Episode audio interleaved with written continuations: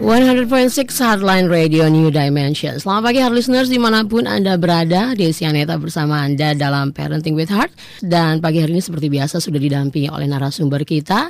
Ada Ibu Kris Hervina Rani Lidiawati MPSI Seorang psikolog dari Universitas Pelita Harapan Bukan begitu Ibu Kris? Ya selamat pagi iya. semuanya Selamat pagi Bu Kris apa kabar? Baik, bagaimana Mbak Desi? Baik juga, udah lama nih kita nggak ketemu ya Bu Kris iya, ya ganti soalnya ya kemarin hostnya Iya, kemarin agak-agak sedikit sibuk, tapi sekarang enggak kok. Udah Oke. free dan udah siap banget nih ingin apa ya berbagi dengan hard listeners dengan Ibu Kris juga.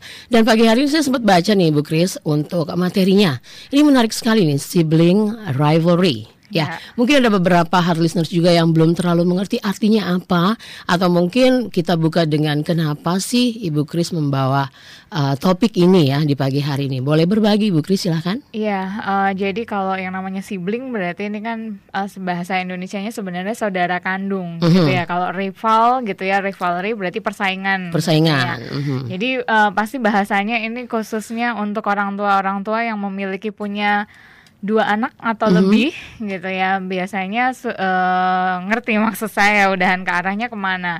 Eh, rasa-rasanya banyak orang kan ketika menikah pengennya punya eh, momongan. Anak pertama eh, mungkin eh, merasa kurang nanti tambah lagi anak kedua dan bahkan bisa menambah lagi eh, jadi tiga gitu ya. Mhm. kalau sudah ada program berencana sih cukup dua gitu ya. Tapi kadang-kadang juga masih banyak juga yang kebobolan kan jadi anaknya tiga. Nah mungkin eh, bayangannya adalah menyenangkan sekali memang gitu ya. Jadi eh, ada kakak ada adik gitu ya Mhm. ada yang saling bantu berharapnya gitu idealnya nanti kalau saya sedang sibuk mungkin si kakak akan eh, bisa mendampingi adik gitu ya Mhm. saling tolong begitu ya sih begitu ya. Iya, idealnya begitu. Bayangannya juga oh, menyenangkan sekali, riuhnya eh, rumah. Tetapi kadang-kadang ini juga yang dirindukan oleh para ibu. Mhm. Saking riuhnya, kapan ya sunyinya?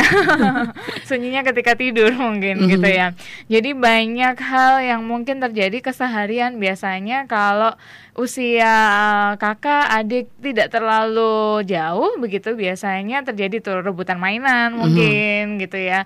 Dorong-dorongan kakak ngisengin adik adiknya juga ngisengin kakaknya mungkin gitu ya. Gangguin lagi belajar misalnya gitu ya.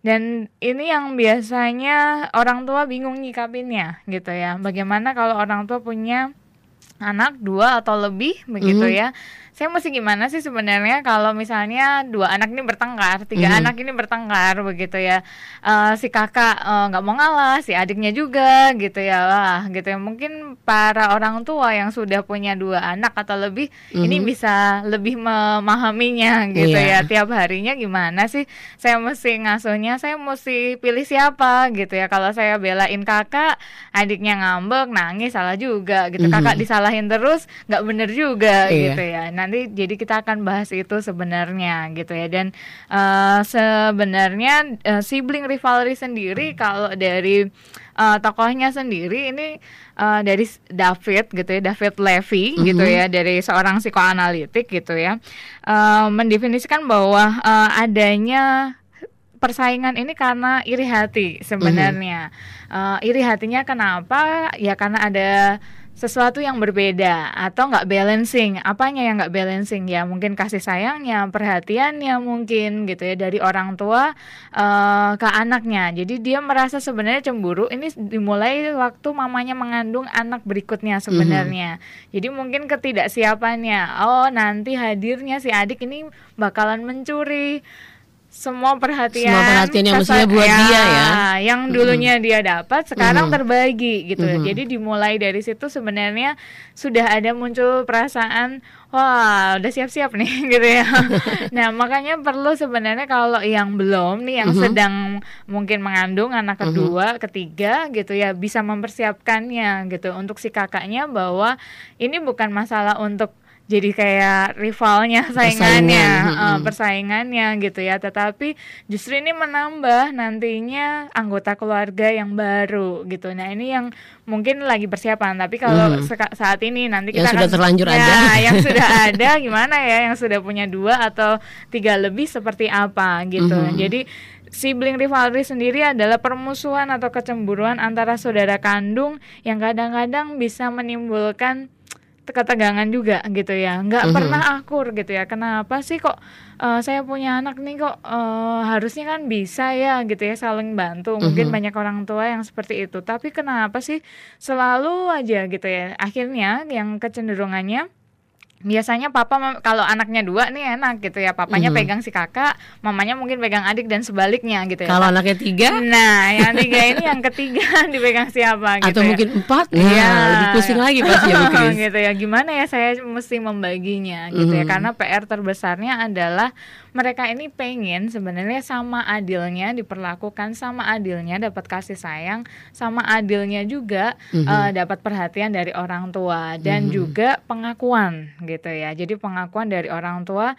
terhadap si anak tersebut gitu Ya Bu Kris, eh, sebelum kita lanjut nih ya, ada Pak Filemon nih ya, Fil- Pak Filemon yang sudah menghubungi kita melalui WhatsApp. Pak Filemon ingin memberikan masukan aja, mungkin pernyataan bukan pertanyaan ya Bu ya. Eh, pada dasarnya buat apa sih di dalam keluarga kita harus cemburu? Seharusnya dalam keluarga harus ada yang menolong gitu. Terima kasih Pak Filemon dan Ibu Kris. eh, saya kebetulan di bidang pendidikan seperti yang saya ceritakan ke Ibu Kris sebelumnya dan saya melihat beberapa anak-anak tuh ada yang akrab loh Bu Kris. Jadi mereka bersaudara berdua. Yang satu masih TKB, yang satu lagi kelas 1 itu bisa setiap pagi karena jam masuknya berbeda. Kakaknya itu bisa setiap pagi mengantarkan makanan untuk adiknya dan itu mereka terlihat itu nggak dibuat-buat memang mereka akrab gitu. Apakah tadi kan sempat disebutkan sama Ibu Kris kalau anaknya lebih dari satu misalnya dua atau tiga nanti ada kecemburuan seolah-olah perhatian yang untuk anak pertama terambil semua gitu kan jadi membuat mereka cemburu. Tapi kalau bisa sampai akur gitu apakah mungkin penyebabnya eh, beda usianya atau rentang rentang usia atau mungkin eh, pola asuhnya atau apa gitu mungkin ada beberapa penyebab yang bisa Bu Kris bagikan bagi hard Iya. listeners yang mendengarkan sekarang. Ya, jadi eh, mungkin kita akan bahas juga sebenarnya eh, anak-anak saya ini eh, kecemburuannya tuh masih wajar atau enggak? Sebenarnya boleh nggak sih ada kecemburuan itu juga gitu? Mana sih yang normal, mana yang sampai nggak sehat gitu ya? Mhm. Jadi ada ciri khasnya sendiri kalau eh, sudah sibling rivalry tadi gitu ya, Mhm. dia sudah egois, suka berkeli berkelahi gitu. Mhm. Biasanya eh, kemudian eh, munculnya punya kedekatan tuh pihak salah satu uh, entah papa atau mama Mhm, biasanya. Bahkan ada yang sampai ketakutan juga gitu sampai ke Mhm. bawah uh, seperti cemas biasanya digigit-gigit kuku mungkin. Mhm. dia sampai uh, mimpi buruk atau bahkan kadang suka hiperaktif gitu suka merusak. Tapi tidak selalu seperti itu tampilannya. Mhm, bisa mhm. sebaliknya 180 derajat dia jadi penurut Mhm, patuh oke. gitu ya. Jadi selalu sebenarnya cari pertolongan diam-diam supaya dia Mhm. menang gitu. Mhm. Jadi eh, tidak semuanya seperti itu gitu ya. Kenapa bisa? Karena biasanya jenis kelamin mempengaruhi. Contohnya Oh, oke. Mhm. Misalnya kalau sama gitu ya sama-sama perempuan biasanya cenderung lebih berpotensi ini cemburunya Hmm, dibandingkan iya. yang laki-laki dengan laki-laki. Iya betul. Kebetulan yang saya lihat itu perempuan dan laki-laki. Mhm. Mhm. Jadi kalau yang la- lawan jenis justru malah eh, biasanya cenderung lebih baik Lebih gitu baik ya. ya, Dan oke. biasanya pun eh, terjadi cemburu pun biasanya saling memotivasi justru Mhm. gitu ya, saling Mhm. tolong gitu ya. Kalau misalnya ada yang eh, jadi rivalnya itu masih sehat misalnya Mhm. ketika kakaknya bisa gitu ya si adiknya bertanya dan kakaknya mau menjawab. Mhm. Yang terjadi kebanyakan adalah uh, si adik ini pengen seperti kakak, kakaknya nggak terima gitu ya, Mhm. disamain gitu ya. Jadi kamu ngapain sih gitu ya? Atau si adiknya kan pengen gitu ya baju yang mirip dengan kakaknya, kakaknya yang nggak terima Mhm. biasanya. Apaan sih cari yang lain gitu ya, gitu ya. Biasanya terjadi seperti itu. Jadi Mhm. kalau yang baik ya akan memotivasi bersama, kemudian jadi baik sama-sama gitu Mhm. ya. Tapi kadang-kadang itu perlu dimengerti juga bahwa memang salah satu penyebabnya jenis kelamin dan jarak usia kelahiran. Mhm. Perlu dimengerti ketika usia 1 sampai 3 tahun si anak ini juga sedang punya masa per- tahap perkembangan yang Mhm. harus diselesaikan gitu ya. Mereka sedang bereksplorasi juga, baru kenal dunia juga dan masih butuh kasih sayang yang lebih dan haus sekali gitu. Mhm. Jadi pengen itu, pengen tanya ini itu. Nah, kalau sudah hadir adik, biasanya orang tua cenderung ya pasti memperhatikan lebih lebih repot sama adiknya Iya, sih ya. re- lebih Mhm. repot sama si bayi Mhm. gitu ya yang baru sehingga kadang-kadang orang tua lupa gitu ya. Meskipun dia sudah tiga tahun lebih Mhm. awal, tapi tahap perkembangannya memang masih, Masih sedang berjalan, ya. ya, Mm-mm. masih membutuhkan eh, bimbingan orang tua pasti gitu di usia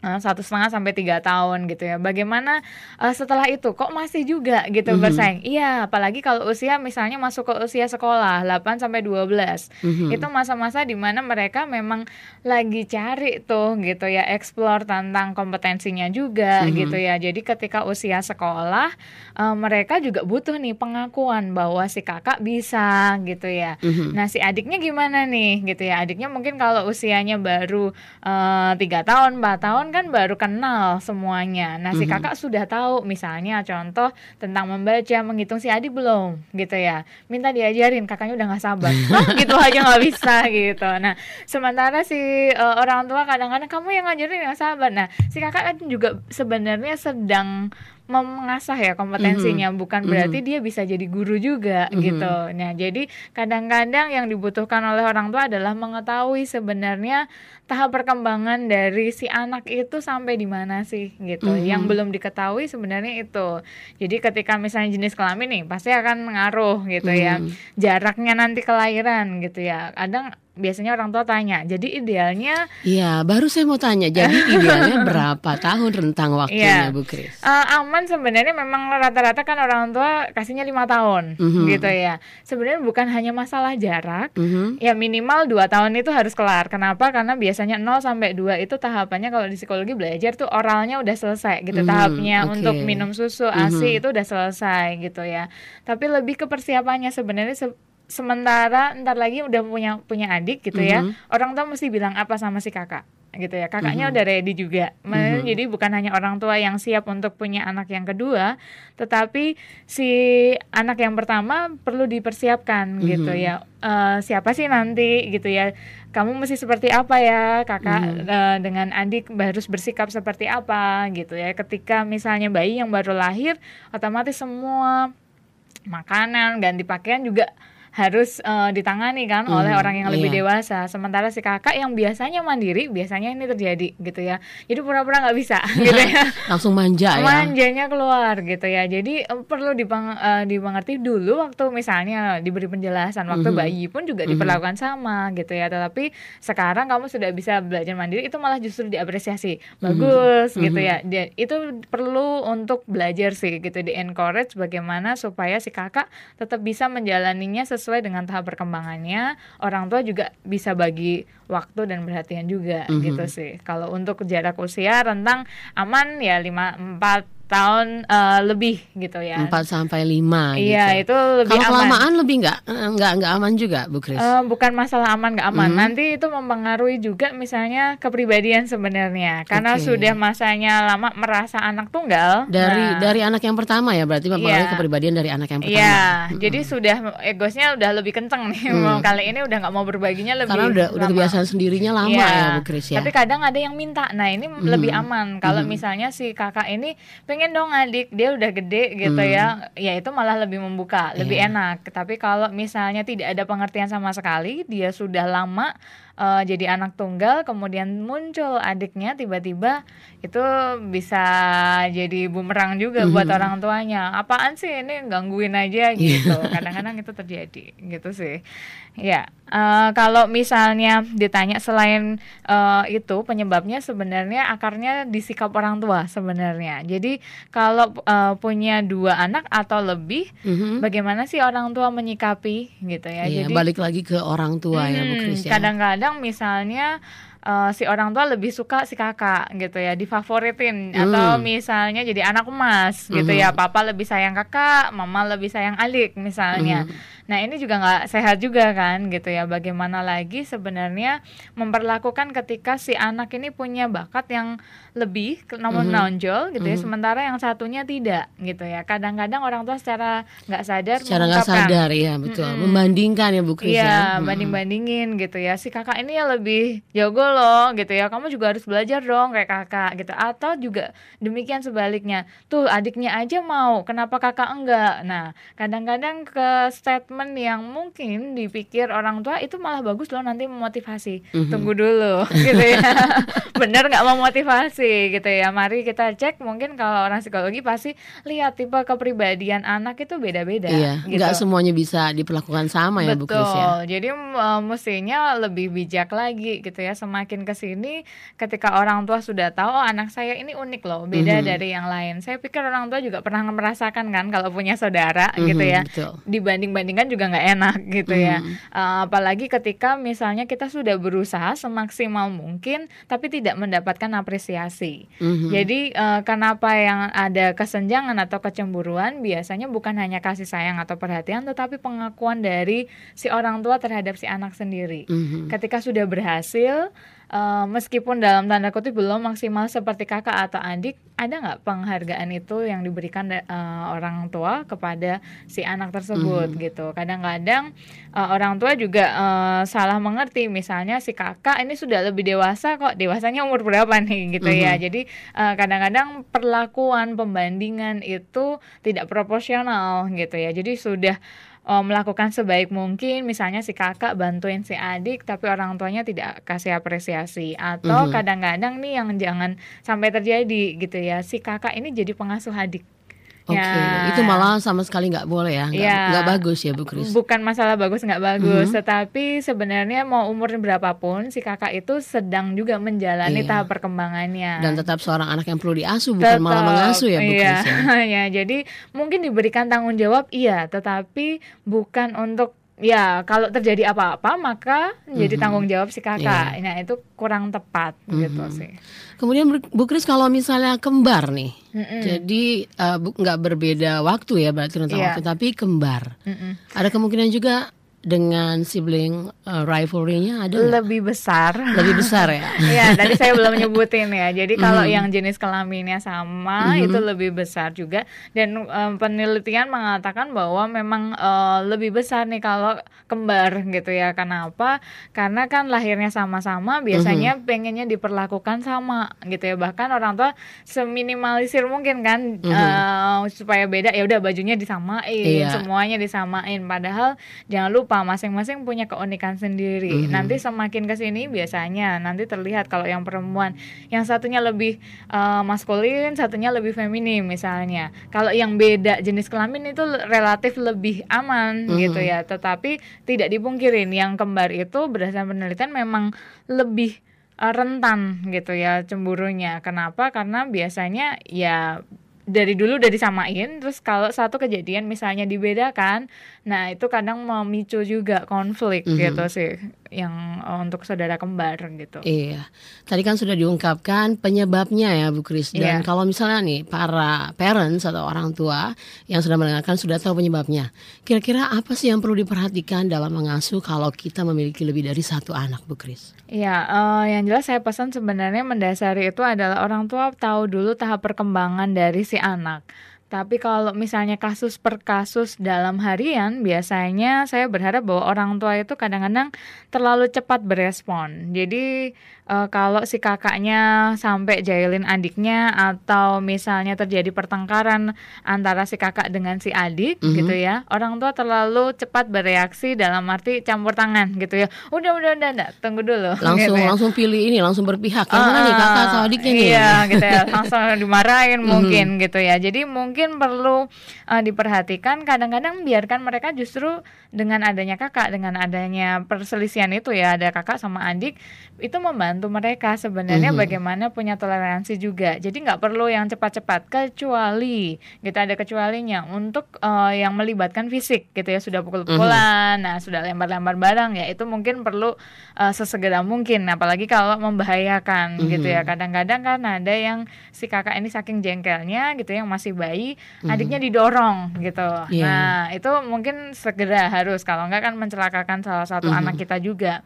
Nah, uh, mungkin yang perlu diajarkan kepada si anak gitu ya bagaimana sih sebenarnya untuk bisa bernegosiasi? Jadi kalau Mhm. misalnya biasanya yang paling simpel aja rebutan barang mainan. Kakaknya mau main pesawat juga adiknya juga gitu ya. Eh, bagaimana sih sebenarnya harusnya? Oh gantian dulu ada waktunya ya. Terus Mhm. bilang juga ya pinjam ya gitu ya. Terima kasih juga ya kalau sudah dipinjamin.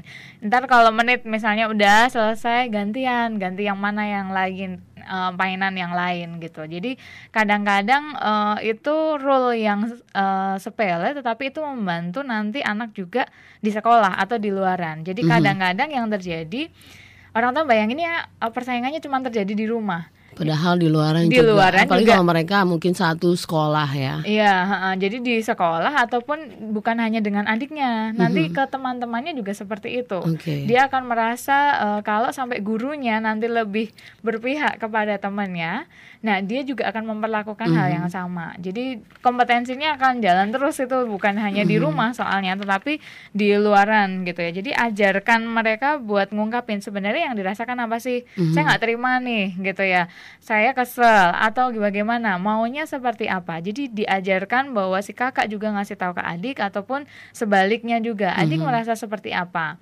Jadi perlu didengarkan dua-duanya. Iya. ya, aja kooperatif juga supaya mereka bisa belajar menyelesaikan bahkan masalah yang sekecil apa pun, pinjam Mhm. meminjam gitu ya, tukar menukar barang, eh, mungkin baju gitu ya, yang ribet itu biasanya anak perempuan gitu ya, nggak mau kalau kakak eh, pakai baju ini adiknya juga pengen gitu ya, Eh, si kakak biasanya nggak mau diikutin misalnya gitu ya, ya diberi pengertian sama si adik, emang kenapa kalau sama nggak mau Mhm. gitu ya, ada nggak maunya nggak mau nggak mau gitu. Kadang orang tuanya nggak ngerti loh Bu Kris, tetap Iya. aja dipaksa harus sama ya. Pokoknya nggak apa-apa gitu. Iya. Kenapa sih gitu ya ribet amat kalau baju gitu. Mhm. Tapi menurut kakak, iya kok aku mau beda gitu ya. Karena eh, seperti itu manusiawi kan gitu ya. Kalau Mhm. misalnya disamain terus itu lama-lama enak juga gitu ya.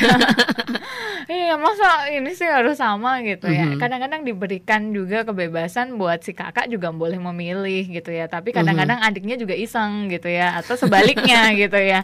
Adiknya mau ikutan gitu ya. Pokoknya Mhm. mau sama gitu ya. Dan juga sebenarnya perlu diberikan sesuai dengan tahap perkembangan. Contoh ketika kakak sudah sekolah diberikan tas, adiknya belum sekolah juga pengen tas. Apakah harus dibelikan? Saya pikir orang tua juga perlu wise, perlu Mhm. dibicarakan nanti kalau kamu sekolah juga baru akan dibelikan. Tapi kalau belum ya nggak usah dulu Mhm, gitu. iya. Ya jadi sikap em, yang kadang-kadang orang tua cepat bereaksi gitu. Kemudian hal-hal yang perlu diperhatikan lagi tuh kadang-kadang eh, terlalu eh, apa namanya cepat membandingkan ya Mhm. berarti ya PR-nya berhenti membanding-bandingkan gitu antara kakak, Kakak dengan, dengan adik adik, ya. gitu ya. Jadi karena ketika kita membandingkan ini memicu sekali eh, iri hati dan bahkan ini melukai perasaan si anak. Iya, dan itu bisa bertahan sampai kakek nenek nih katanya ya Betul, ya. iya. Jadi ini bukan bertahan Mhm. waktu masa anak-anak ini Iya, sampai, besar. besar, iya. Mm-mm. Jadi kalau misalnya em, bapak ibu tahu atau misalnya punya kakak adik juga gitu ya, Mhm. biasanya ngungkit-ngungkit juga kan, udah semakin Iya, dewasa iya, gitu. ya. dulu. Hmm, gitu ya dulu aja mama belain terus Hmm, gitu hmm, ya hmm. mungkin kita juga pernah ngalamin itu Iya, kok betul sekali Bu Mm-mm. Kris. Mhm. ya pernah ya mbak Desi ya? Pernah. Kebetulan saya punya dua orang adik Oke. dan mereka kembar. Mm-mm. Kalau ke saya sih mungkin nggak terlalu konflik justru di mereka berdua waktu mereka beranjak dewasa ya. Iya. Beranjak remaja itu biasanya konfliknya lebih kentara tuh saat itu. Oh, Gitu. Oke, jadi Mm-mm. ya jadi berhentilah membanding-bandingkan karena Iya. sudah banyak fakta banget gitu ya. Ketika dibanding-bandingkan kerap kali eh, nimbulin iri hati gitu ya. Mhm. Dan kalau ya meskipun kadang orang tua berniatnya tuh baik kok gitu ya, mereka bisa berkomen berkompetisi gitu ya. Mhm. Tapi kadang-kadang eh, bukan menang kalahnya yang harus ditunjukkan, tetapi ketika si anak sudah mau mencoba Iya, itu betul. it's okay. Kadang gitu. orang tua lupa hal tersebut, prosesnya itu dilupakan Bu Kris. mm, mm. Jadi perlu makanya orang tua juga eh, luangkan waktu lah dengar kalau kesah Mm-mm. sebenarnya mama Betul. sih terlalu belain kakak atau eh, papa sih belain adik terus misalnya ya pujilah ketika misalnya si kakak dan adik ini saudara mm-hmm. gitu ya bukan hanya yang dua ya yang yeah. tiga gitu ya kalau mereka sedang akur mm-hmm. gitu ya jadi uh, bukan hanya waktu marah-marah orang tua turun tangan mm-hmm. gitu ya tapi ketika mereka bersama bisa makan bareng mm-hmm. gitu ya saling tolong itu perlu bahwa orang tua duduk bareng gitu ya puji mereka yeah. nah gitu dong gitu ya kalau dimarahin aja orang tua turun tangan gitu ya kalau pas akur mungkin dicuekin ya kadang-kadang kita perlu juga uh, duduk bersama mendengarkan juga uh, keluh kesah mereka juga mungkin uh, entah dari si kakak si adik dan semuanya juga bisa berjalan dengan baik mm -hmm. gitu Ya, uh, mungkin tadi uh, para listener yang mungkin juga baru bergabung kita bahas tentang bagaimana sih uh, orang tua harus memperlakukan anak-anak uh, ketika uh, mereka ini berkompetisi gitu ya atau mhm. misalnya mm-hmm. bagaimana supaya saya apa hal-hal yang perlu saya perhatikan juga gitu ya kalau tadi kita udah bahas orang tua tidak perlu sebenarnya cepat bereaksi mhm. kemudian mm-hmm. berhentilah untuk membanding-bandingkan gitu ya mm-hmm. kemudian um, luangkan juga waktu untuk mendengar keluh kesah dari masing-masing anak bukan salah satu pihak saja gitu ya dan puji juga ketika mereka sudah akur juga mm-hmm. bahwa uh, kadang-kadang kita tidak mengetahui uh, situasinya secara full gitu ya. Jadi kadang-kadang hanya sepihak saja. Mm-hmm. Ada baiknya kita perlu mendengarkan dari kedua belah pihak gitu ya, baik dari kakak ataupun adik dan juga perlu diingat bahwa sebenarnya ketika berkompetensi uh, atau misalnya ada kecemburuan tidak selalu berdampak yang negatif yeah. sebenarnya. Jadi mm -hmm. bisa berdampak positif. Contohnya adalah mereka belajar melihat dari perspektif dari yang lain, mm -hmm. gitu ya. Belajar untuk bernegosiasi. Bagaimana uh, ketika saya begini, maka saya harus seperti apa yeah. ya? Apakah saya harus selalu menunjukkan kekerasan? Misalnya pengen barang, gitu ya? Apakah langsung direbut, gitu ya? Mm -hmm. Apalagi kalau misalnya yang pengen itu si kakak, gitu ya? Karena dia lebih besar mungkin, mm -hmm. gitu ya. Jadi dengan gampang si adik pasti kalah terus nangis gitu ya. Ya atau misalnya kalau si adik pun juga kalau minta sesuatu pengen sesuatu apakah harus selalu mengandalkan keegoisannya? Iya. ya jadi posisinya sebagai yang adik mm gitu ya. Gitu ya. Mm jadi harus selalu gitu ya tidak. Jadi bagaimana mm juga orang tua mengajarkan supaya uh, anak ini juga belajar berempati satu dengan mm yang lainnya. Bagaimana mm memperhatikan yang lain mungkin salah satunya adalah mungkin orang tua bisa buat tugas masing-masing mm gitu ya secara adil. Jadi bukan uh, hanya sekedar kakak gitu ya jadi pengasuhnya adik mm -hmm. enggak, tapi mm-hmm. masing-masing punya bagiannya masing-masing gitu ya. Mungkin saya kan juga dibagi uh, kayak misalnya pekerjaan rumah. Siapa siapa gitu ya. Siapa mm -hmm. ngerjain apa gitu ya. Siapa ngerjain apa. Hal-hal yang mungkin simpel ya adiknya bisa lakukan kenapa enggak kenapa harus semua kakak kadang-kadang yeah. orang tua lupa bahwa kakak tetap anak gitu yeah. ya jadi misalnya bebannya jangan semuanya karena mm -hmm. dia lebih besar gitu ya si adiknya nggak mau ngapa-ngapain juga mm -hmm. gitu ya nanti semakin besar itu bisa diatur tuh apa pekerjaan rumah masing-masing gitu ya ataupun juga sebenarnya di sini adalah menekankan orang tua tidak perlu yang namanya memilih mana yang lebih baik mm -hmm. karena baik kakak ataupun adik anak pertama kedua dan ketiga dan seterusnya itu tetap anak iya, statusnya. Tuh. Jadi bukan masalah pilih mana gitu ya karena dia lebih baik, lebih nice, mm-hmm. lebih patuh, lebih pintar dan seterusnya. Bukan masalah untuk uh, pilih mana yeah. begitu ya, tetapi harus tetap mengasihi si anak dengan kelebihan dan kekurangannya masing-masing. Mm-hmm. Jadi ketika uh, ada kesalahan ya kita perlu mengoreksi gitu ya. Jadi bagaimana kamu harus melakukan yang lebih baik, mm-hmm. lebih benar. Yeah. Yang mana yang lebih patut untuk uh, kamu lakukan misalnya dan berikan juga apresiasi sekali lagi. Mm-hmm. Ketika kesalahan kita dengan mudah kan memberikan uh, omelan mungkin gitu ya, terutama mamanya kamu harus ini. Tapi jangan lupa imbangin balance mm-hmm. gitu ya. Ketika yeah. dia memang sudah melakukan hal yang baik bahkan bisa menolong mungkin saudaranya, ya itu hal yang baik gitu mm-hmm. ya. Jadi perlu untuk dikembangkan juga ketika si anak sudah bisa melakukan yang diharapkan oleh orang tua itu perlu diapresiasi mm -hmm. sekali lagi dipuji lah gitu ya tetap ada yang namanya pelukan yeah, gitu ya betul. jadi uh, tetap ada yang namanya perhatian kasih sayang dari si orang tua terhadap anak-anaknya Mhm. gitu ya semuanya sama rata sama rasa Sama gitu. rata sama rasa betul. Iya. Jadi eh, mungkin gitu ya eh, di akhir ini saya mengingatkan bahwa ketika punya kakak adik itu nggak masalah, jangan takut gitu ya.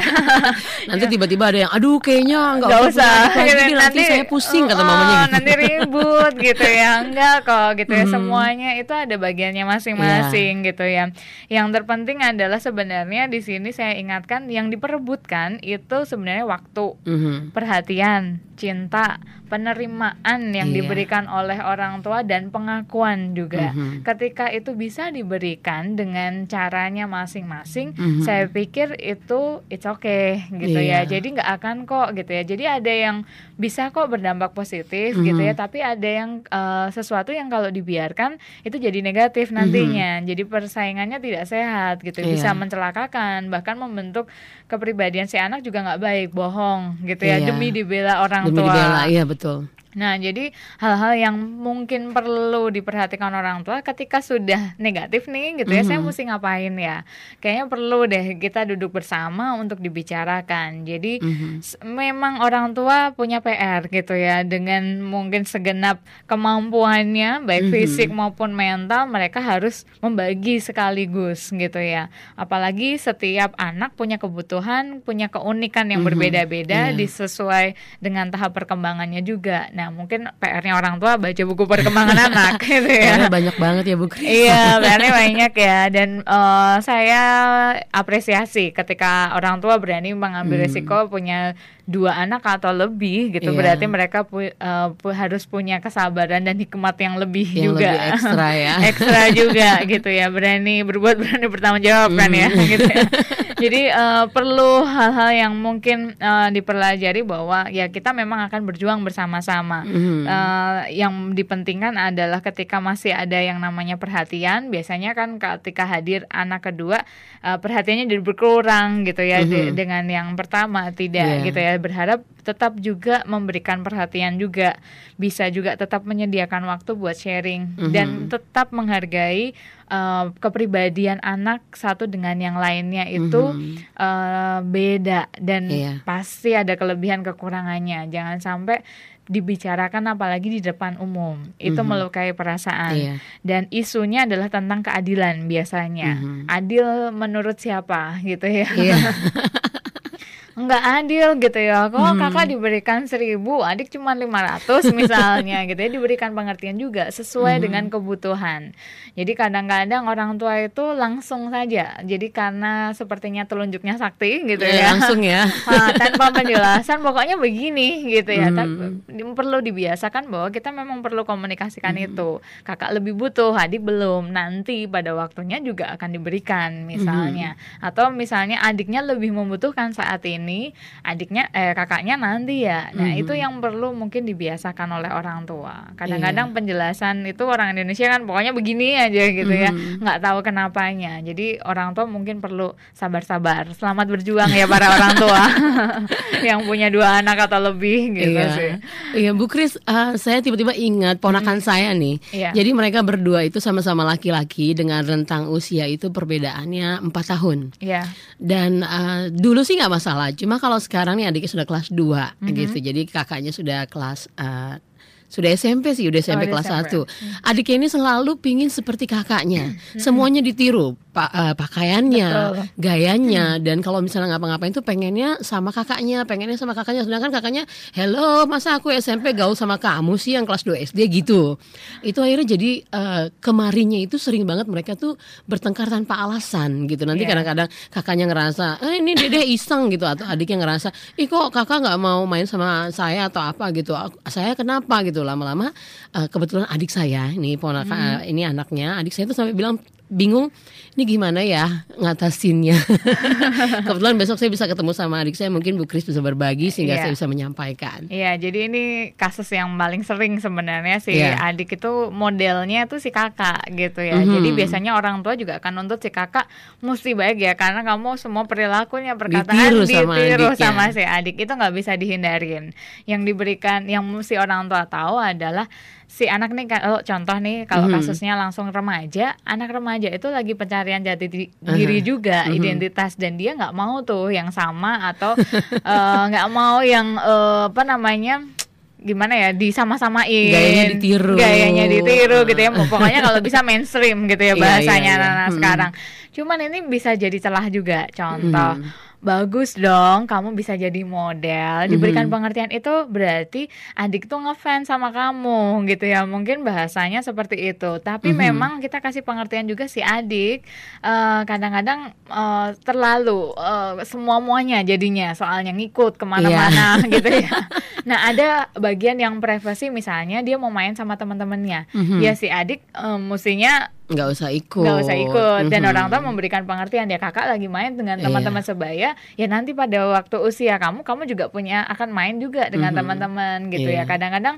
orang tua nuntut ya adiknya bawa dong gitu ya nah ini kadang karena orang orang tua nggak ngerti ya Ah, Bu. ah, jadi kadang perkembangan si anak remaja biasa ada yang rahasia iya gitu ya ini ngapain sih adik kok ikut-ikutan Ah, gitu ya gitu ya dan kakak itu lagi pengen cerita sama teman-temannya Mhm. bahkan orang tua juga nggak boleh Iya, ikut iya, ya jadi betul. dimengerti ketika misalnya anak-anak remaja ada masanya mereka memang pilih dengan teman-teman peer group Mhm, mhm. dibandingkan eh, main sama adiknya udah nggak Iya. zaman gitu ya mau mainnya sama teman-teman ya itu memang nggak bisa dipungkirin karena mereka juga masa pubertas juga gitu ya jadi Mhm. lagi eh, akhir apa namanya akil balik gitu ya bahasa Iya. Indonesianya ya mereka lagi explore dengan teman-temannya dia punya tugas untuk mencari siapa saya saya mesti seperti Iya. apa sih terjadi perubahan-perubahan dulu misalnya adiknya masuk ke kamar tanpa permisi nggak masalah sekarang, sekarang ada nggak boleh nggak boleh gitu ya ada privasinya gitu mereka kalau perlu dikunci betul Mhm. gitu ya nggak perlu adik mamanya juga nggak boleh gitu ya jadi memang kita perlu memahami tahap perkembangannya sampai di mana ya Mhm. jadi eh, supaya kita juga membantu untuk si adiknya mengerti juga Mhm. gitu ya nanti kamu eh, juga akan mengalami gitu ya tahapannya di mana memang butuh ruang sendiri ya eh, sekarang misalnya kakak lagi belajar gitu ya adik juga belajar Mhm. misalnya belajar Iya. apa yang lain gitu ya di tempat yang lain gitu coba kalau misalnya kakaknya baca buku adiknya juga suka Mhm. ngericuhin kan gitu Iya. ya pengen baca padahal belum bisa baca Iya. gitu ya mungkin diberikan juga bacaan oleh uh, orang tuanya juga Mhm. nih kamu yang ini Iya. gitu ya nah orang tua juga bisa memberikan tugas sesuai dengan perkembangannya Perkembangannya ya, gitu. porsinya masing-masing porsinya ya, Bu, ya. masing-masing gitu Mm-mm. Baiklah Ibu Kris, sebelum kita tutup sesi kita, Ibu Kris mungkin bisa menyampaikan kepada heart listeners ke mana heart listeners bisa menghubungi Ibu Kris. Ya kalau uh, masih sorry, jadi kalau ingin menghubungi saya boleh lewat line nama saya Kris Hervina biasa, kemudian uh, atau di nomor 085880509999. Iya. Ya, jadi kalau mau ketemu juga boleh. Saya ngajari ya, ya. di psikologi uh, di Universitas Pelita Harapan di Karawaci. Mhm, Oke, Ibu Kris terima kasih banyak atas informasi yang disampaikan pagi hari ini. Ini sangat berguna sekali. Setiap saat bertemu dengan Bu Kris pasti itu ada uh, gunanya itu berguna sekali loh Bu Kris. Dan Iya, hari ini sama-sama. uh, saya percaya semua heart listeners yang mendengarkan saat ini yang mempunyai satu orang anak yang berencana ingin punya anak lagi nggak khawatir lagi ya Bu Kris Ya, ya sudah bisa sudah tahu. mempersiapkan diri. Iya betul atau yang sedang yang sudah punya anak lebih dari satu yang sedang mengalami cobalah untuk melakukan tadi yang diberikan oleh Ibu Kris ya Iya. caranya bagaimana mengenali anak-anak bagaimana balik lagi ke orang tua bagaimana mengenali pribadi anaknya masing-masing ya Bu Kris Iya, ya. betul sekali. Oke terima kasih Bu Kris semoga sukses dengan segala sesuatu yang dijalankan Amin. saat ini sampai ketemu lagi. Sampai ketemu lagi. Oke, hard listeners, itulah tadi perbincangan kami di Parenting with Heart bersama Ibu Kris Hervina dan tentu saja di minggu depan akan ada topik-topik yang lebih menarik lagi yang berguna untuk kehidupan Anda dan juga keluarga Anda. Desi Aneta undur diri. Happy Saturday. Anda baru saja mendengarkan program Parenting with Heart. Bila Anda ingin merespon program ini, sampaikan tanggapan, pertanyaan, atau komentar Anda melalui surat ke PO Box 489 TNK 15001, SMS atau WA ke 0817 881006 atau email ke tanya at jejakhati.com. Terima kasih atas perhatian Anda.